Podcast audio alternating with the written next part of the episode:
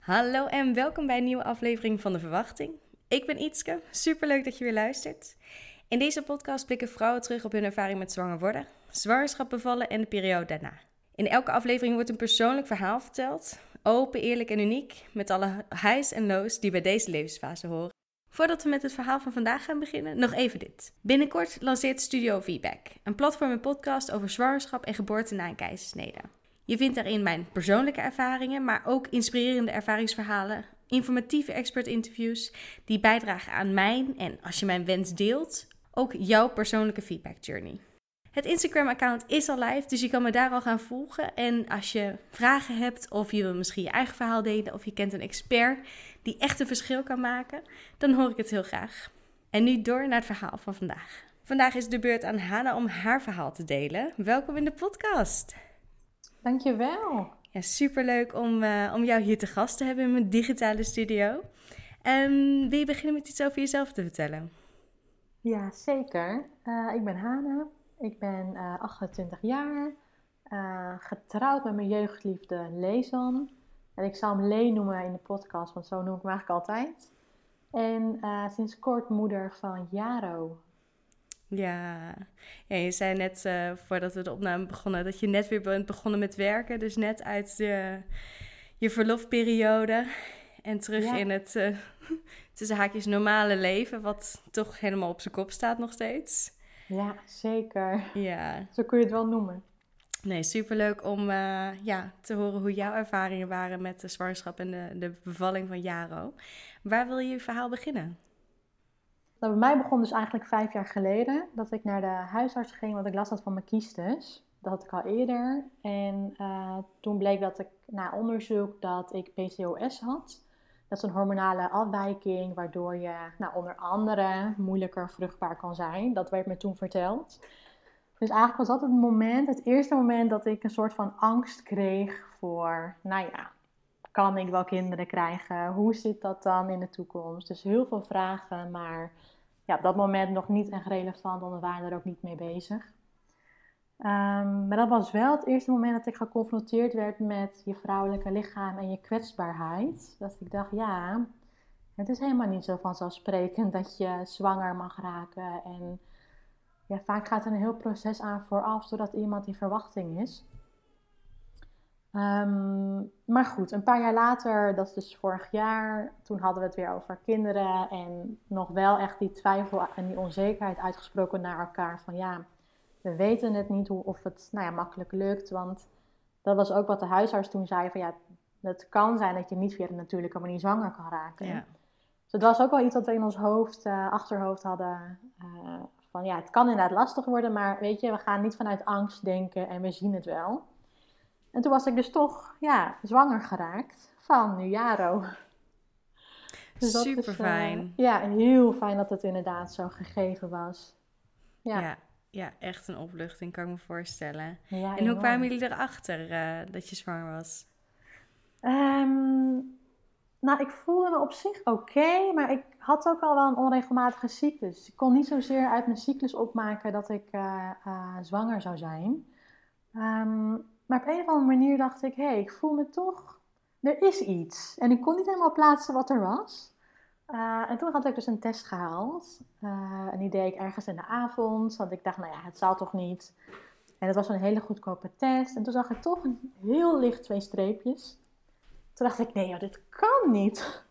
Dus heb ik de volgende ochtend heb ik een, uh, een wat duurdere test gedaan. En toen bleek inderdaad dat ik zwanger was. Ja, ja, oh, grappig inderdaad. Vaak toch hilarisch dat je zo'n goedkope test dan niet echt vertrouwt. Terwijl, ja, positief is positief, maakt Precies. niet uit. Het is even betrouwbaar Bij wat voor test inderdaad. En er ja. bestaat niet zoiets als een beetje zwanger. Nee, nee. maar je moest ook echt gewoon zwanger zien op het scherm. Dat het echt ja. gewoon geschreven was van, oké, okay, het is echt zwanger. Ja. Echt duidelijk. Oh, leuk. En um, hoe verliep je zwangerschap?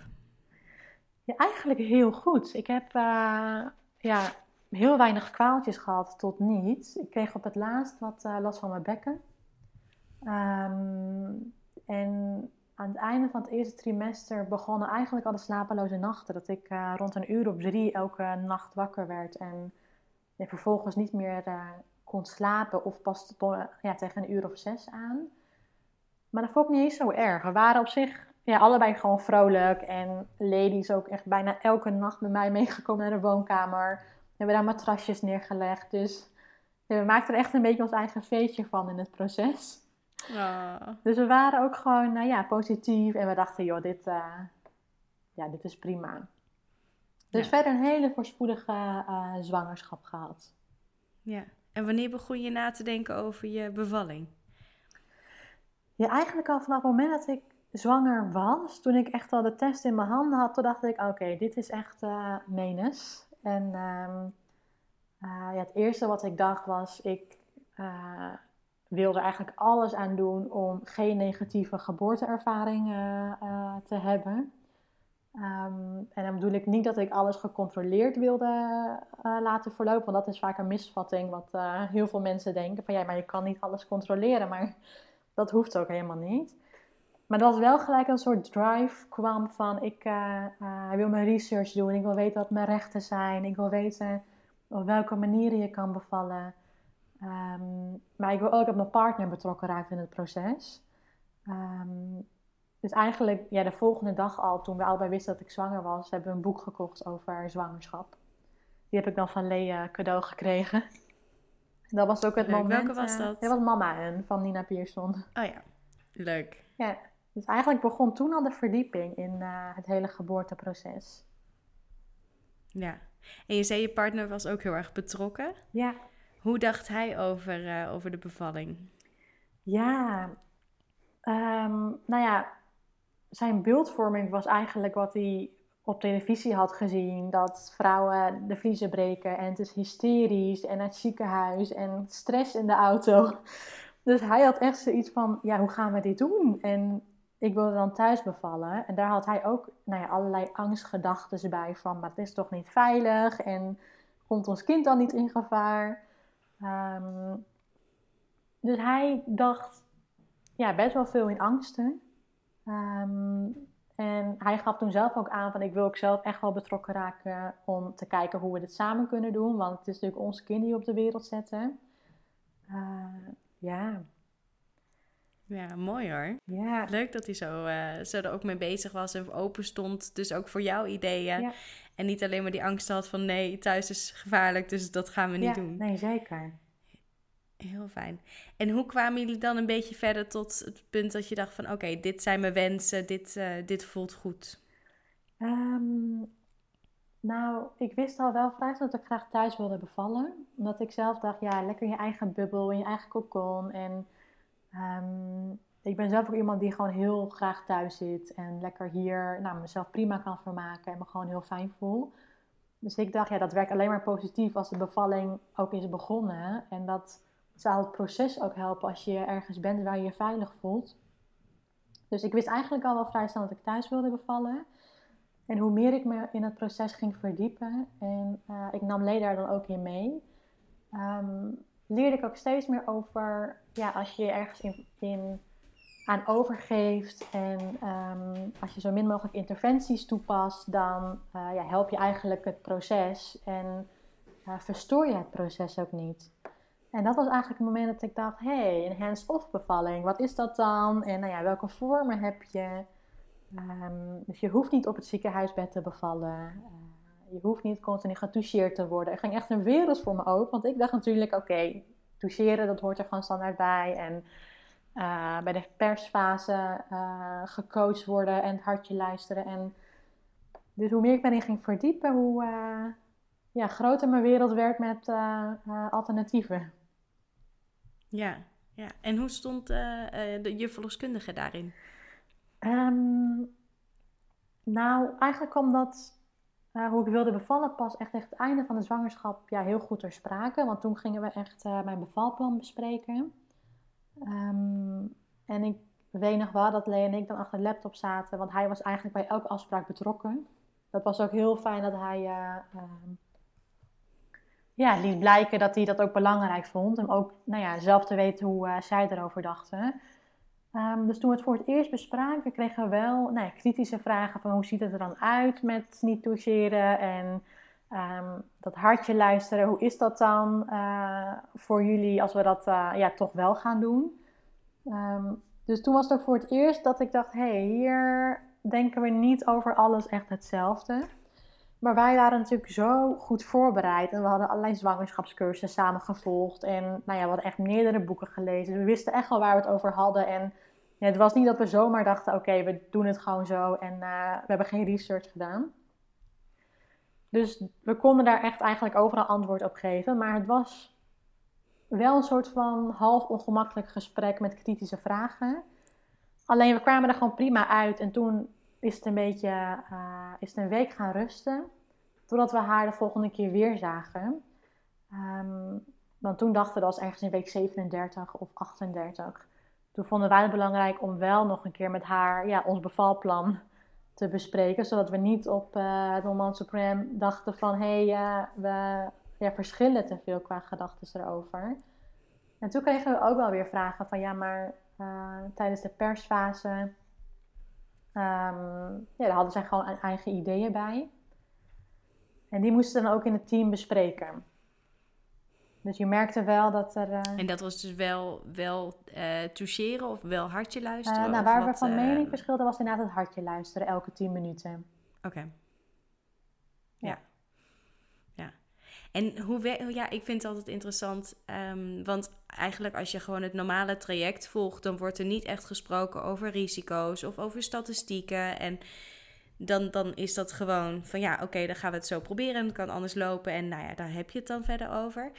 En als je daar een beetje van afwijkt, word je daar gelijk best wel gebombardeerd met zoveel kans op dit, zoveel groot risico op dat. Hoe was dat voor jullie? Ja, dat kregen wij inderdaad ook wel te horen hoor. Van, uh, hebben jullie nagedacht over de risico's? En ook überhaupt toen we het hadden over thuisbevalling. Ja, maar het eindigt vaak in een ziekenhuisbevalling. Dus eigenlijk proefde je daar al uh, uh, nou ja, hoe het gesprek ging. Um, ja. Nou, op zich was ik heel steady. We waren allebei heel steady. Dus we werden ook niet zo snel onzeker of. Uh, nee, we wijkten daardoor ook niet echt af van ons bevalplan. Helemaal niet zelfs. Um, maar het was natuurlijk wel vervelend om te ervaren dat ja, je verloskundige in risico's denkt en niet in, in nou ja, de positieve ervaringen en verhalen. En hoe het ook goed kan gaan. Want daar is, ja, zijn meer, meer uh, statistieken van dan dat het uh, ja, niet goed gaat. Ja, ja. Nee, en wat je zegt, jullie uh, hadden gelukkig ook heel veel research gedaan. Dus jullie wisten, als je zegt van nou, bijvoorbeeld een verdubbeling van de ja. risico's. dat kan ook gewoon van 1 naar 2 procent zijn. Of dat zegt niet over van hoe groot dat dan is. Maar ja, um, ja, het is wel belangrijk dan om zelf genoeg te weten om daar dan je eigen gevoel in te volgen. En voor jezelf te kunnen bepalen van wat voelt voor mij uh, ja, acceptabel en goed. En ja, hoe maak ik die afweging? Inderdaad. Ja. Ja. En hoe verliep dat verder? Um, nou, toen in ons volgende gesprek, uh, er was een fysieke afspraak die we toen hadden met elkaar. Uh, toen benoemden wij nog weer wat uh, punten, want en dat was heel goed van haar, van de verloskundige. Want zij kwam eigenlijk een beetje op terug van hoe ziet het er nou uit, dat hartje luisteren voor jullie. En toen gaven wij aan van, nou ja, dat hartje luisteren, dat hoeft niet elke tien minuten. Want ik wil juist in mijn bubbel blijven en uh, vertrouwen dat het wel goed zit en zelf mijn intuïtie volgen. En toen gaf ze eigenlijk aan dat ze het in het team wilde bespreken en er bij ons op terug zou komen. Um, dus wij dachten, nou ja, dat zou prima zijn. Ze bespreken het en uh, dat verloopt goed. Totdat we eigenlijk, uh, toen was ik 39 weken, we hadden net avond gegeten en werden gebeld. En toen gaf ze aan van, nou, ik heb het in het team besproken en ja, we voelen ons toch niet comfortabel bij jullie bevalplan. En of wij de volgende ochtend of de volgende middag langs wilden komen om ja, te kijken hoe we tot elkaar konden komen. Ja. Ja, hoogzwanger. ja. Oh, heel dicht bij je uitgerekende datum inderdaad. Hoogzwanger.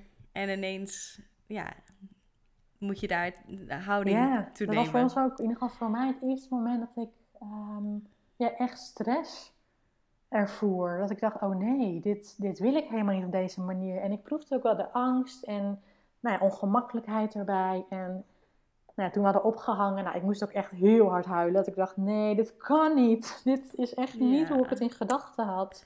En hoe moet dit nou? En daarin was het heel fijn dat nou ja, Lee zo betrokken was. Want hij zei, weet je, we gaan het niet doen. We gaan niet uh, uh, nou ja, een bevalling anders doen dan we in gedachten hadden. Want, want wij willen het op deze manier en uh, zo gaan we doen. Um, dus laten we verder kijken. Laten we kijken wat onze mogelijkheden zijn. En hij dacht gelijk, oké, hier blijven we niet in hangen. We pakken zelf de regie. Dat hadden we al geleerd tijdens het proces. Um, dus we hebben ook echt, nou ja, ik zat helemaal in de stress. Mijn lady heeft echt research gedaan op internet van wat zijn de mogelijkheden. Kan je nog switchen? Bij wie kan je dan nog terecht een week voor je bevalling? Um, en toen hadden we ook al gedacht, nou we gaan niet de afspraak, dat was in de middag trouwens, afwachten. Want dan ben je eigenlijk weer een dag verloren. We moeten nu gewoon al ja, onze eigen keus gaan maken. Dus we hadden al bedacht, we gaan niet met deze praktijk verder. Um, en toen zijn we uiteindelijk uh, bij een solo uh, verloskundige uh, terechtgekomen, Jasmijn, van Innerbirth. En ja, dat was gewoon zo fijn. Ik zat daar, nou ja, hoogzwanger bij haar, huilend. En Lady deed maar het verhaal. En ja, dat was echt een wereld van verschil. Ja, ja want dat is dan een, ja. een caseload ja. verloskundige, een soliste. En um, wist je überhaupt dat dat een optie was? Dat dat ook bestond en dat ja, je verschillende nou, soorten pas tegen het einde van mijn zwangerschap aan. Want toen ik net zwanger was, ja, wist ik wel dat ik graag een thuisbevalling wilde. Maar um, ja, ik wist helemaal niet hoe je een praktijk kon uitkiezen. En dat je halverwege nog kon switchen. En dat er inderdaad solo-verloskundigen ook waren. Um, dus daar kwam ik pas achter toen echt uh, de nood daar was. Ja, ja. En hoe verliep het uh, gesprek ja, met Jasmijn? heel fijn. Behalve dat je heel ja, veel emoties nee, had. Prettig. En Lee een beetje tussen tranen door moest Ja. uitleggen wat, uh, wat de Nee, was situatie was. al, eh, nou, we hadden gelijk een klik, dat was heel fijn. En ik voelde me ook gelijk gehoord en erkend in dat wij gewoon goed waren voorbereid. En ik kreeg ook gelijk het vertrouwen dat hetgene wat wij, eh, hoe wij dachten over bevallen, dat helemaal niet gek was. Want op een gegeven moment bij de eh, reguliere verloskundige praktijk dacht ik, ja, maar is het dan zo raar? Is het dan echt, wijkt het dan zo erg af van, van het, nou ja, hoe mensen bevallen? En moeten we dan inderdaad wel zo doen? Soms kwamen wel die ja, onzekere gedachten dan toch op. En bij Jasmijn was het, oh, jeetje, we hebben inderdaad ons goed voorbereid. Of, oh, wat fijn dat ze dat bevestigt en zo meedenkt. En we zaten daar ook echt voor een eerste keer, nou, bijna twee uur. En ik denk dat ik, nou ja, in totaal in die bijna 40 weken nog geen twee uur bij mijn uh, reguliere praktijk heb gezeten. Uh, dus dat was Ja. al een wereld van verschil. Dat je echt uh, de tijd had om uh, elkaar ook te leren kennen. Ja. ja, heel fijn. En zeker natuurlijk ook zo last minute. ehm, dat je dan toch even die persoonlijke relatie nog een beetje kan opbouwen. Ja. Wat toch ook heel erg waardevol is eh, Zeker. in zo'n proces. En eh, zij bleek dus ook gewoon achter jullie wensen te staan. Ja, zij was juist degene die ook zei, nou, ik vind het helemaal niet zo gek dat je niet elke tien minuten het hartje wil laten luisteren. En ehm, eh, dat toucheren hoeft ook niet de hele tijd. Ik zie, ik zie wel aan je hoe ver je bent. En als het inderdaad echt nodig is, dan doen we het wel. Dus dat was eh, ja, een hele andere, hele zachte aanpak, merkte ik. En ik merkte ook al een heel groot verschil bij Jasmijn eh, ten opzichte van de reguliere praktijk. Jasmijn praat ook echt vanuit vertrouwen van, jij geeft het wel Ja. aan. Je kunt je intuïtie volgen en ja, je zit er eigenlijk niet naast. Jij voelt zelf wel wanneer eh, eh, je iets Ja. nodig hebt. Ja, en fantastisch lijkt me om dat dan te horen als je juist eigenlijk tijdens je hele zwangerschap daar steeds dichterbij bent gekomen en dat heel graag wil. En dan zegt iemand, een verloskundige van Ja. ja, nou top, gaan we doen. Ja, het voelde ook echt als een verademing. Want ik merkte toen pas dat ik elke keer een strijd aan het voeren was met de andere praktijk. Om echt te staan Ja. voor hoe ik het wilde. En eigenlijk mezelf continu aan het verdedigen was en verantwoorden van ik heb mijn research gedaan. Wat zijn dan de risico's? Dat valt dan mee. En bij Jasmijn, ja, ik kon gewoon mijn verhaal doen en zij bevestigde het gewoon. Dus het was ook echt een opluchting van, oh, wat fijn. Ah, fantastisch. Ja, ik kan me heel goed voorstellen. En ehm, ja. laten we naar je, je bevallingsverhaal, of in ieder geval deel van je bevalling eh, van dit verhaal gaan. Ja. Ehm, ja, wanneer begon het wat te rommelen? Nou, ik had heel sterk het gevoel dat ik over de 40 weken zou gaan. Want ik voelde, nou ja, helemaal niks. En ik was nog topfit. Ik wandelde nog heel veel. Dus ik dacht, ja, dat, dat kan niet zo snel gaan. En ik had Jasmijn twee keer ontmoet. Ehm, en vier dagen voor mijn uitgerekende datum. Uh, nee, drie dagen voor mijn uitgerekende datum. Voelde ik in de nacht ja, hele lichte krampjes. Maar ja, dat trok weer weg en toen kwam het ook niet meer terug. Dus toen dacht ik, nou ja, het zal wel. Uh, in de ochtend ben ik nog boodschappen gaan doen. En ik uh, had een winkelafspraak. En nou, ik kwam in de middag thuis. En toen kreeg ik weer hele lichte krampen. Um, en halverwege de middag nam het wel weer toe, rond een uur of twee. En toen dacht ik, nou Lee, het kan best zijn dat dit uh, ja, weeën zijn, maar het kunnen ook gewoon voorweeën zijn of krampen. Ik voel nog niet echt dat het met de bevalling te maken heeft. En toen zei Lee, nou weet je, we bellen Jasmijn wel um, om uh, ja, dit uh, te vertellen. Zij belde Jasmijn en we waren gewoon hartstikke ontspannen. En Jasmijn zat in een consult, volgens mij. En ze vroeg ook van, ja, moet ik komen? En wij zeiden, nee joh, het hoeft nog niet, want ja, volgens mij is het nog niks. Um, en toen waren we weer even wat verder. Uh, toen ben ik nog gaan douchen. Ik heb echt nog allerlei dingen gedaan, want er was nog helemaal niet zoveel aan de hand.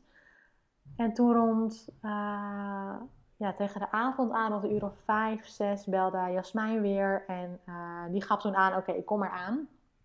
En die was uiteindelijk om zeven uur uh, s'avonds bij mij. En toen was het wel serieuzer geworden, want toen lag ik ook op bed. En ik voelde echt wel nou, in, mijn, in mijn rug het een en ander gebeuren. Maar nog steeds was ik wel oké. Dus ik dacht, nou, stel dat dit het is, dan zou ik nou ja, hopelijk op 5 centimeter zijn dat ik in het bevalbad kan. Want dat wilde ik heel graag. Um, en op een gegeven moment uh, ging Jasmijn dan toucheren, want dat wilde ik dan ook wel weten. En toen bleek ik al volledig ontsluiting te hebben. Wow. ja, echt. Het was echt wow. Dus Lee en ik die keken ook echt aan van, hè? Nee, dat kan helemaal niet. Dit hoort toch veel erger te zijn? Dit hoort toch veel... Hè? Ja, precies. ja, hoe kan ik nog praten en hoe kan ik nog op bed zitten? Oh, wat ja. fijn. Ja, dat was echt heel fijn. Ja, heerlijk. En ik voelde ook een soort van, uh, want ik ging naar het toilet en toen begon ik al iets van persdrang te voelen. Dat ik echt dacht, oh ja, dit kan inderdaad nu uh, richting de bevalling gaan. Uh, maar mijn vliezen waren nog niet gebroken. Dus daardoor dacht ik, nou, het zou nog niet zo ver zijn. Anders gebeurt dat wel tegen het einde aan. Maar dat, mijn vliezen stonden nog. Kijk, en ben je toen lekker in bad gegaan?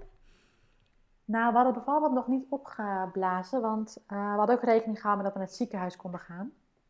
En daarvoor hadden we Diak in Utrecht uitgekozen, dat we dan zelf met ons bevalbad uh, erheen konden gaan. Ah, ja. Dus toen Lee hoorde dat uh, ik volledig ontsluiting had, nou was hij het bad gaan opzetten en proberen te vullen met water.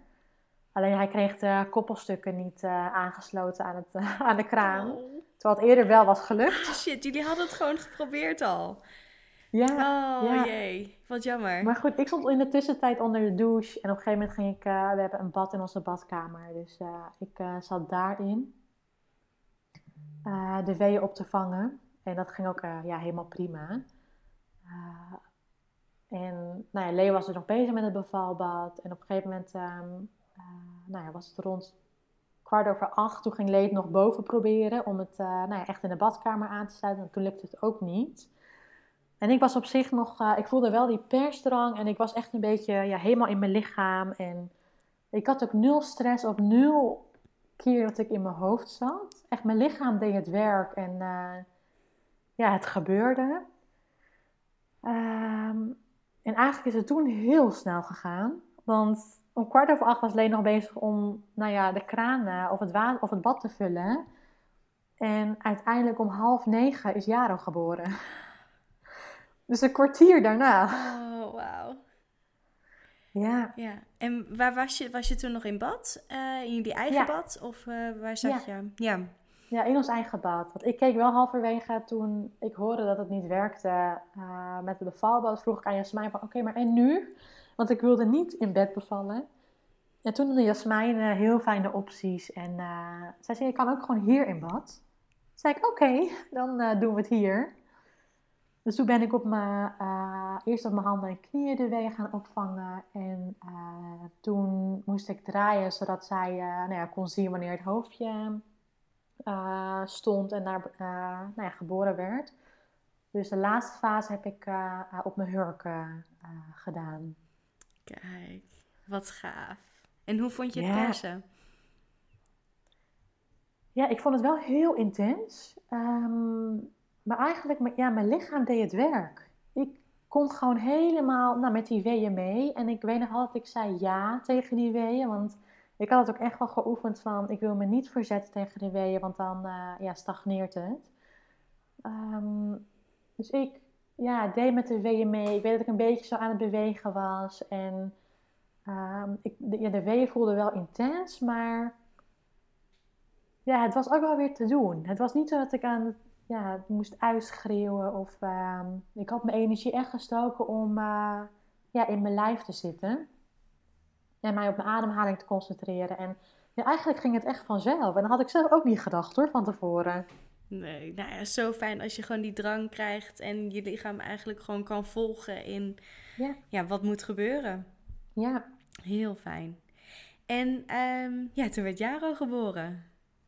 Toen werd Jaro geboren, ja. ja. Werd hij lekker bij je gelegd of wat hebben jullie gedaan? Ja, ik uh, ben dan, uh, ik was nog in bad, dus Jaro was in bad geboren. En ik heb hem toen nog even op de borst gelegd. En de placenta kwam ook wel vrij snel uh, nadat Jaro geboren was.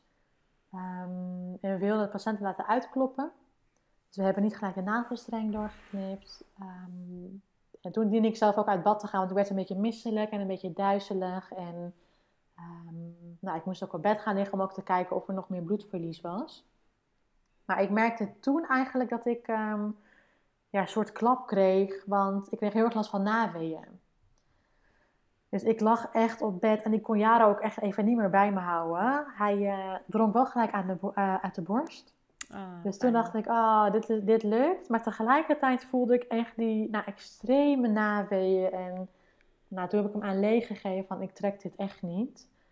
Um, en Jasmijn was toen nog bezig om te kijken of er op de placenta heel was. En of er nog stolsels vast zaten. Maar nou ja, dat leek allemaal ja, niet het geval te zijn. En de placenta was gewoon heel. En op zich heeft de pijn best wel lang aangehouden. Want Jasmijn is uiteindelijk ja, pas rond 1 uur uh, s'nachts weggegaan. Omdat ik nog zo lang die pijn voelde. Dus het was vooral heel intens na de bevalling. Ja.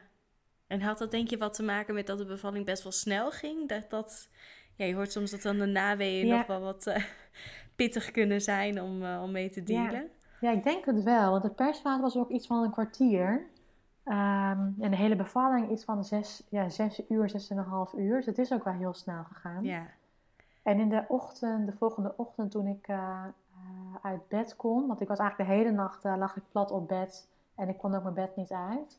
En toen bleek dat er inderdaad stolsels vast zaten, want toen ben ik ook heel veel stolsels verloren. Nou, en dat zat eigenlijk dwars. Dus hmm. daar kwam dan ook de pijn vandaan. Ja. ja. Oh, fijn dat je dan hopelijk ja, stopte toen je lichaam dat kwijt was. Ja, Nee, ik was ook echt, uh, toen het eenmaal uit mijn lichaam was, voelde ik ook gelijk weer, weer goed en ja, ging ja. het ook weer beter. Lekker. En je wilde dus graag borstvoeding geven? Ja. Ja, hoe verliep dat? Um, nou, de eerste dagen wel moeizaam. Ik had volgens mij op dag drie iets van 5 milliliter wat ik kon kolven. En dat was voor mij al heel wat. Dat ik dacht, yes, vijf. Ik zag elk druppeltje en daar was ik hartstikke blij mee. Ja. Um, en Jaro leek op zich wel goed uit de borst te drinken. Alleen achteraf bleek dat het niet helemaal het geval was. Dat hij wel, nou ja, uh, zuigbewegingen maakte, maar dat er niet heel veel uitkwam. Uh, en dat hij uiteindelijk, ja, bleek dat hij veel meer moeite aan het doen was, uh, of moest doen om uh, echt de melk eruit te krijgen. Want hij had ook een tekort tongriempje. Um, maar op zich, na een paar dagen kwam mijn productie wel op gang. Maar dat was echt wel heel intens met dat om de twee uur kolven. En, oh ja. Ja, ik had dat stuk wel onderschat. Ja.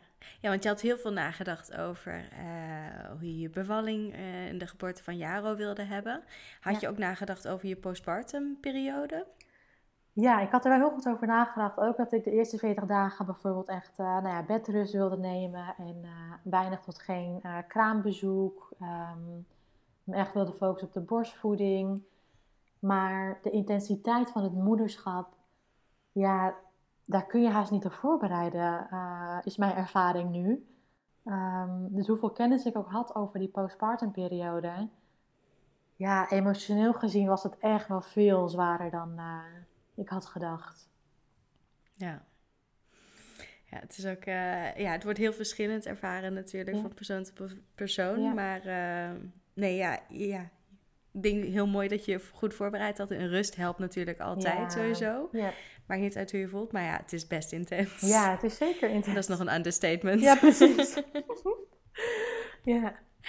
Ja, en wanneer begon het voor jou een beetje allemaal een plekje te krijgen en dat je dacht van oké, ik, ik, vind soort van de nieuwe versie van mezelf en de balans in het moederschap en mezelf zijn een beetje terug. Het is natuurlijk pas drie maanden geleden, dus... Um, nou, ik moet zeggen dat ik het eigenlijk pas sinds een maand, ja, het is een paar weken ervaar.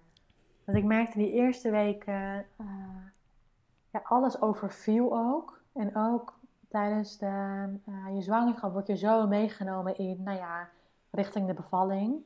Maar ik had geen idee wat reflux was of wat nou ja, effecten of de gevolgen van een tekort tongriempje waren. Um, dat een baby heel veel last kan hebben van spanning in de spier, waardoor die heel veel huilt. Dus wij, Jaro, helden ook best wel veel uh, naar elke voeding. En elke keer dacht ik, ja, wat heb jij nou? Wat is er nou? En ik snapte het ook allemaal niet zo goed. En dat eigenlijk pas sinds een paar weken uh, zijn we een beetje in rustig vaarwater terechtgekomen. Uh, we hebben osteopaat bezocht, chiropractor. Um, zijn tongriempje is gelezen. Dus we zijn alle hectiek nu uh, voorbij. En nu kunnen we er ook echt wel van genieten, kan ik zeggen. Ja. ja, het kan echt een enorme zoektocht zijn om dan al die verschillende puzzelstukjes in elkaar te zetten. En dan heb je zelf nog ook, weet je, het lichamelijk herstel, een dosis hormonen die een soort van een nieuwe balans moeten hervinden, waarvan uh, sommige kelderen en andere weer enorm gaan pieken. Ja.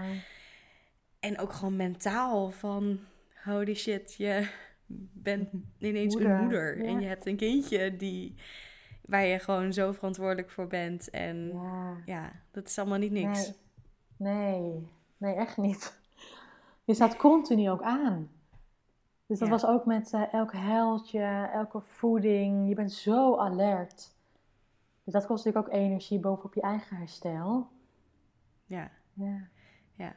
Nee, ik denk dat dat ook gewoon iets is voor, zeker als je dan voor het eerst moeder wordt, dat dat eigenlijk mensen dat tegen je moeten zeggen van hé, hey, het mag gewoon even duren voordat je hier de nieuwe balans in vindt. En voordat je jezelf in het moederschap vindt en daar je eigen versie van hebt gemaakt.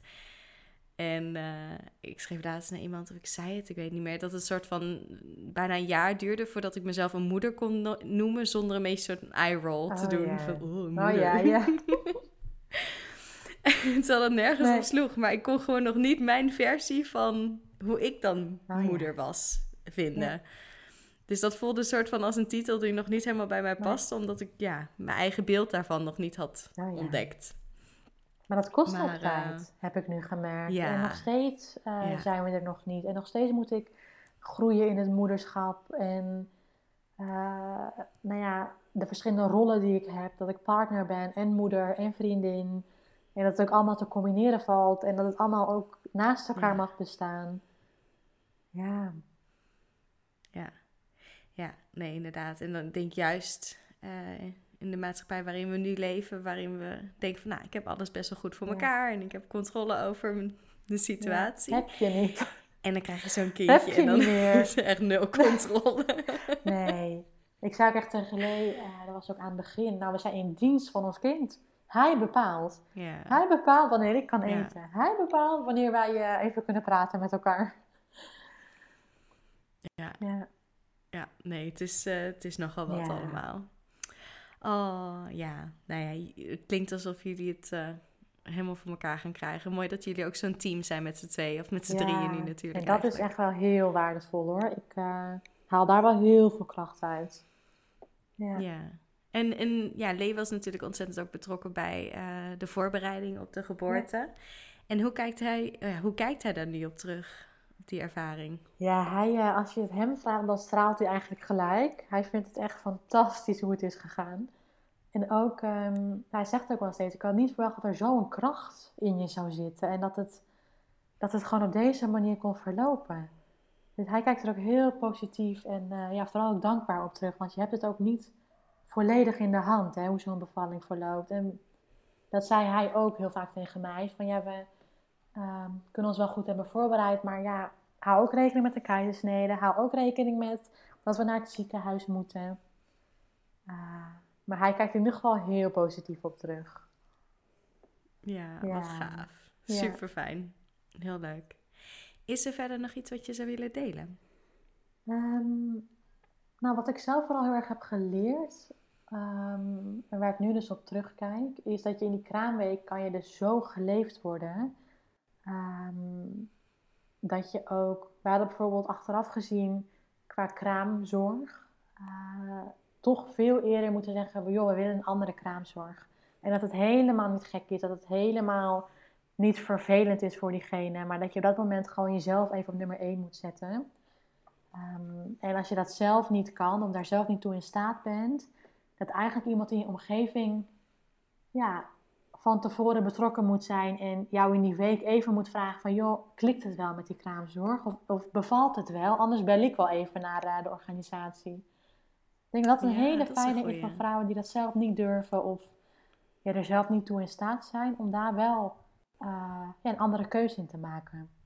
Nee, dat is inderdaad een hele goede. Ik denk dat veel mensen zich toch yeah. bezwaard zouden voelen om te zeggen yeah. van ja, hmm, het is net niet een klik, maar het is zoiets yeah. persoonlijks. En je hebt, ja, je hebt die persoon dan natuurlijk best wel lang in je huis op een hele, heel kwetsbaar moment. Dus het is wel goed wat je zegt om gewoon echt bij jezelf na te gaan. En ook voor je omgeving om dat dus bij uh, de kraamvrouw te checken of bij het gezin. Van is dat wel die match uh, die je hoopt? Dus dat is inderdaad. En ik zou echt iedereen aanraden om een lactatiekundige gewoon in de eerste week mee te laten kijken.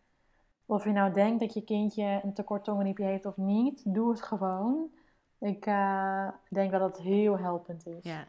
Ja, wat mij betreft dat zou dat ook gewoon heel snel bij bent. onderdeel moeten zijn van de basiszorg. Van, van gewoon de gedekte zorg die we hebben. Want dat is zo waardevol. En dan zeker die eerste week. en je wilt inderdaad. het op gang krijgen. En het is moeilijk en het is een gedoe. En je hebt slaaptekort en lichamelijk herstel en hormonen en weet ik veel wat. Ja. Um, nee, die lactatiekundigen die zijn wel echt uh, super waardevol om dan uh, ja, ontzettend. erbij te hebben. Ja, nee, goeie. Mooie tips. Ja. Hele goede. Ja. Nou ja, ontzettend bedankt voor het uh, delen van je verhaal vandaag. Jij bedankt dat ik mijn verhaal mocht delen. Heel graag gedaan.